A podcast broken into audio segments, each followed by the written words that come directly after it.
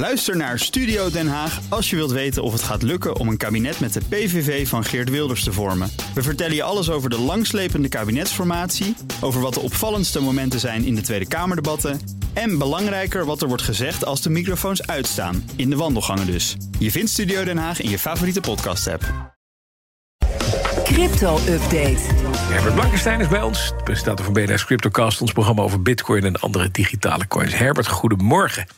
Hoi Bas, goedemorgen. Ja, iedereen die heel blij was omdat hij geld kreeg van uh, uh, de baas van, uh, van FTX... Hè, die meneer Bankman-Fried, Sam Bankman-Fried, SBF... die moet het geld gaan terugbetalen? Dat moeten ze. Au. Daar hadden we twee weken geleden al over. Dat staat eraan te komen. Um, deze week is er in de VS een uh, brief gestuurd, een officiële brief aan al die politieke ontvangers van geld van FTX. Er zijn er meer dan 250. En daar staat in: u kunt vrijwillig de donatie terugstorten. En uh, zo niet, dan behouden wij ons het recht voor de faillissementsrechter actie te laten ondernemen. en ja, die brief die wijst erop dat de ontvangers niet moeten roepen dat ze het geld al hebben weggegeven aan een goed doel. Sommigen hebben dat. Maar terugstorten moeten ze toch. Welke politici hebben hier uh, baat bij gehad? Wie uh, moeten gaan terugbetalen? Ja, welke niet zou je kunnen zeggen. Ja. Daar is bijvoorbeeld Biden for President Oeps. en ook het Biden Victory Fund. Dat zijn twee Joe Biden-fondsen natuurlijk. Ja. Um, Chuck Schumer, de leider van de meerderheid in de Senaat. Kevin McCarthy, de speaker van het Huis van Afgevaardigden. Mm. Ja, en nog zo'n 170 andere senatoren en afgevaardigden. Ze zijn met naam en toenaam bekend, ook gewoon online. Um, en dan ook nog bijvoorbeeld de Democratische Partijen in echt tientallen Amerikaanse staten. Die hebben tot 28 februari om te dokken. En zo niet, dan krijgen ze dus met justitie te maken. Ja, maar het punt is, ik hoor Democraten en de Republikeinen door elkaar. Hij zat van twee walletjes te eten, dus SBF.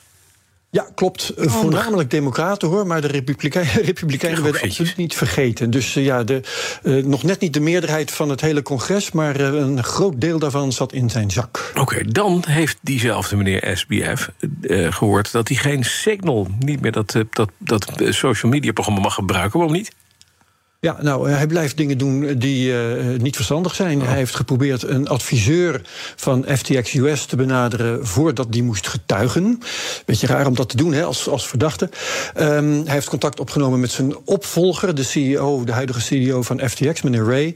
Uh, met ongevraagd advies over de rekeningen van FTX mm. en Alameda Research, hè, dat andere failliete bedrijf. Ja, hij mag nu dus geen Signal meer gebruiken. Die app is namelijk te veilig kan niet afgeluisterd worden. Um, WhatsApp mag alleen als er speciale monitoring software aan is gekoppeld. Uh, en verder alleen goed afluister, afluisterbare technieken als e-mail, sms, Zoom en Facebook Messenger, die zijn hem toegestaan. Dus het mooie is, dan weten wij meteen ook weer welke apps veilig zijn en welke niet. Ja, dus je moet op Signal. Dan, intussen kun je je afvragen, wie gaat de film maken over het leven van SBF en het drama met FTX? Maar ik begrijp het antwoord is dat iedereen dat gaat doen. Nou, dat is het precies. Ja. Uh, de nieuwssite Decrypt heeft een inventarisatie gemaakt. Um, en een van de mooiste projecten die zij melden... dat is het boek van auteur Michael Lewis. Die heeft ook The Big Short geschreven. Een verhaal over een ja, grote, andere grote financiële ja, affaire in 2008, de financiële crisis, ja. Ja, die, die, had al een half, die Lewis had al een half jaar opgetrokken met SBF. En die dramatische finale van onlangs, die kreeg hij dus als cadeautje in de schoot geworpen. Hm. Hij is nu in gesprek over een verfilming met onder andere Apple en Netflix, dus niet de minste. En dat is notabene nog voordat zijn boek uit is. Dan is bijvoorbeeld Amazon bezig met een miniserie van acht afleveringen. Dat zijn dus twee uh, gedramatiseerde producties. En Decrypt noemt nog twee van die uh, verhalende films. En er zijn er ook nog zeker vier documentaires in voorbereiding waarvan één dan van Vice Media, om er een bekende uit te pikken. Dus dat kan een hele mooie race worden. Welke film straks het eerst, het eerst uit is, die gaat winnen. Ja, en dan gaan we nog even naar meneer Craig Wright. is de man die al jaren zegt dat hij de uitvinder van de bitcoin is. Dat hij eigenlijk... Ja. Toshi, hoe heet die? Toshi heet? Satoshi Nakamoto. Ja, precies. Uh, maar die is weer een rechtszaak is hij verloren, hè? Ja, uh, ging over het auteursrecht op Bitcoin. Uh, beter gezegd op de structuur van de blockchain. Wright die zei: um, die structuur heb ik bedacht. Ik ben Satoshi Nakamoto, dus alleen ik mag die gebruiken in ja. mijn eigen coin. Die heet Bitcoin SV. Op dit moment is dat trouwens coin nummer 62 uh, in de lijst van marktkapitalisatie met een prijs van 42 dollar. Geen 42.000 Bas, 42 dollar. Ja, dat is nog te En een market cap van uh, een schamele 816 miljoen. Nou, Wright vond dus dat hij bitcoin moest kunnen verordoneren om gewoon te stoppen. Jongens, auteursrecht. De Engelse rechter heeft dat natuurlijk afgewezen. Wright kon geen document laten zien dat aantoonbaar door hem was geschreven...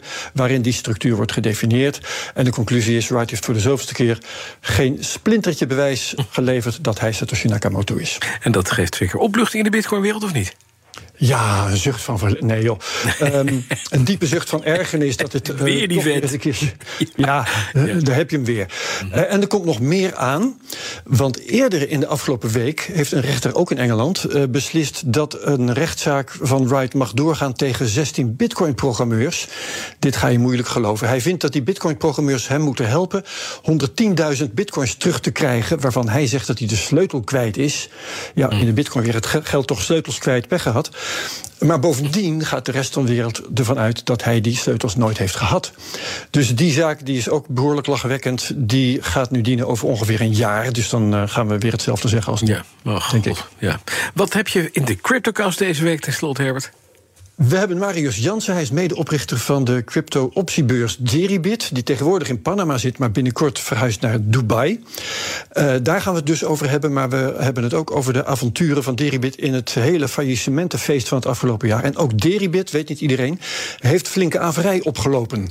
Een miljoen of tachtig, jongens. Mm -hmm. um, en uh, we gaan het verder hebben over de vraag... welke regulering en audits en dat soort zaken in de toekomst... Uh, dit soort zaken kunnen voorkomen. Nou, dat is mooi. Met die Marius Jansen, dus medeoprichter van Deribit. Dankjewel, Herbert Blankenstein.